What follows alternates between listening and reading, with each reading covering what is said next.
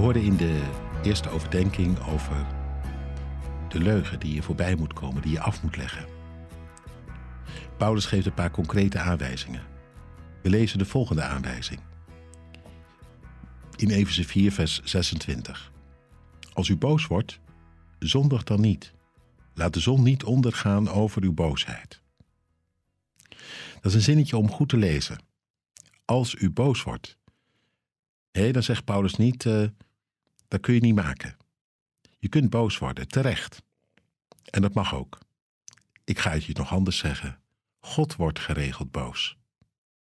Met recht.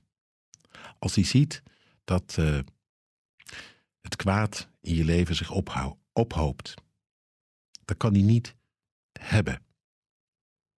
In de Bijbel heet dat toorn, dat God vertoornd wordt. Dat is niet zomaar een beetje boosheid, dat uh, gaat veel verder. Dat zit, daar zit iets heel radicaals in. Dat God het niet kan luchten of zien. Dat het bij hem een hele heftige emotie uh, losmaakt. Het kwaad. En ik heb wel vaker gezegd, dat is maar wat goed.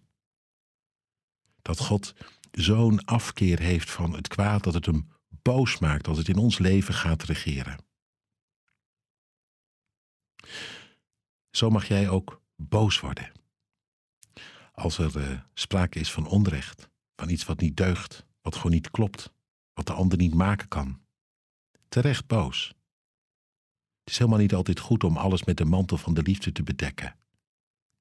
En te denken dat je daarmee dan, ja, doet wat God bedoelt.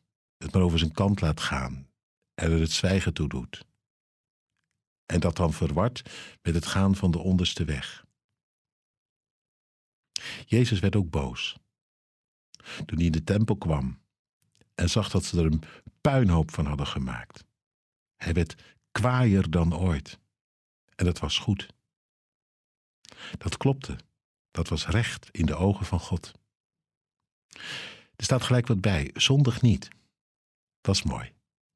Dat hoort erbij. Want boosheid kan zomaar natuurlijk een eigen leven gaan leiden. Dat je er helemaal in verstrikt raakt in je eigen boosheid. En dan gaat er iets mis. Dan verwordt boosheid tot hatelijkheid en nijd. Dan maakt je boosheid niet alleen de ander kapot, maar ook jezelf. En boosheid is juist bedoeld om iets uh, aan de orde te stellen en vervolgens op te ruimen, iets te doorbreken en ergens van af te komen. Vandaar die zin erachteraan: zondig niet. God in zijn boosheid zondig niet. Hij legt de vinger erbij, maar tegelijk met een uitgestoken hand. Hij zegt: Dit kan echt niet, maar weet één ding. Ik wil het opruimen, genadig. Zo, zo ook wij. Je mag boos zijn, maar met uitgestoken hand, met de bedoeling dat het wordt doorbroken, dat het wordt opgeruimd, dat het niet doorziekt, dat het anders wordt. Word boos, maar zondig niet. Dat is nog een hele kunst.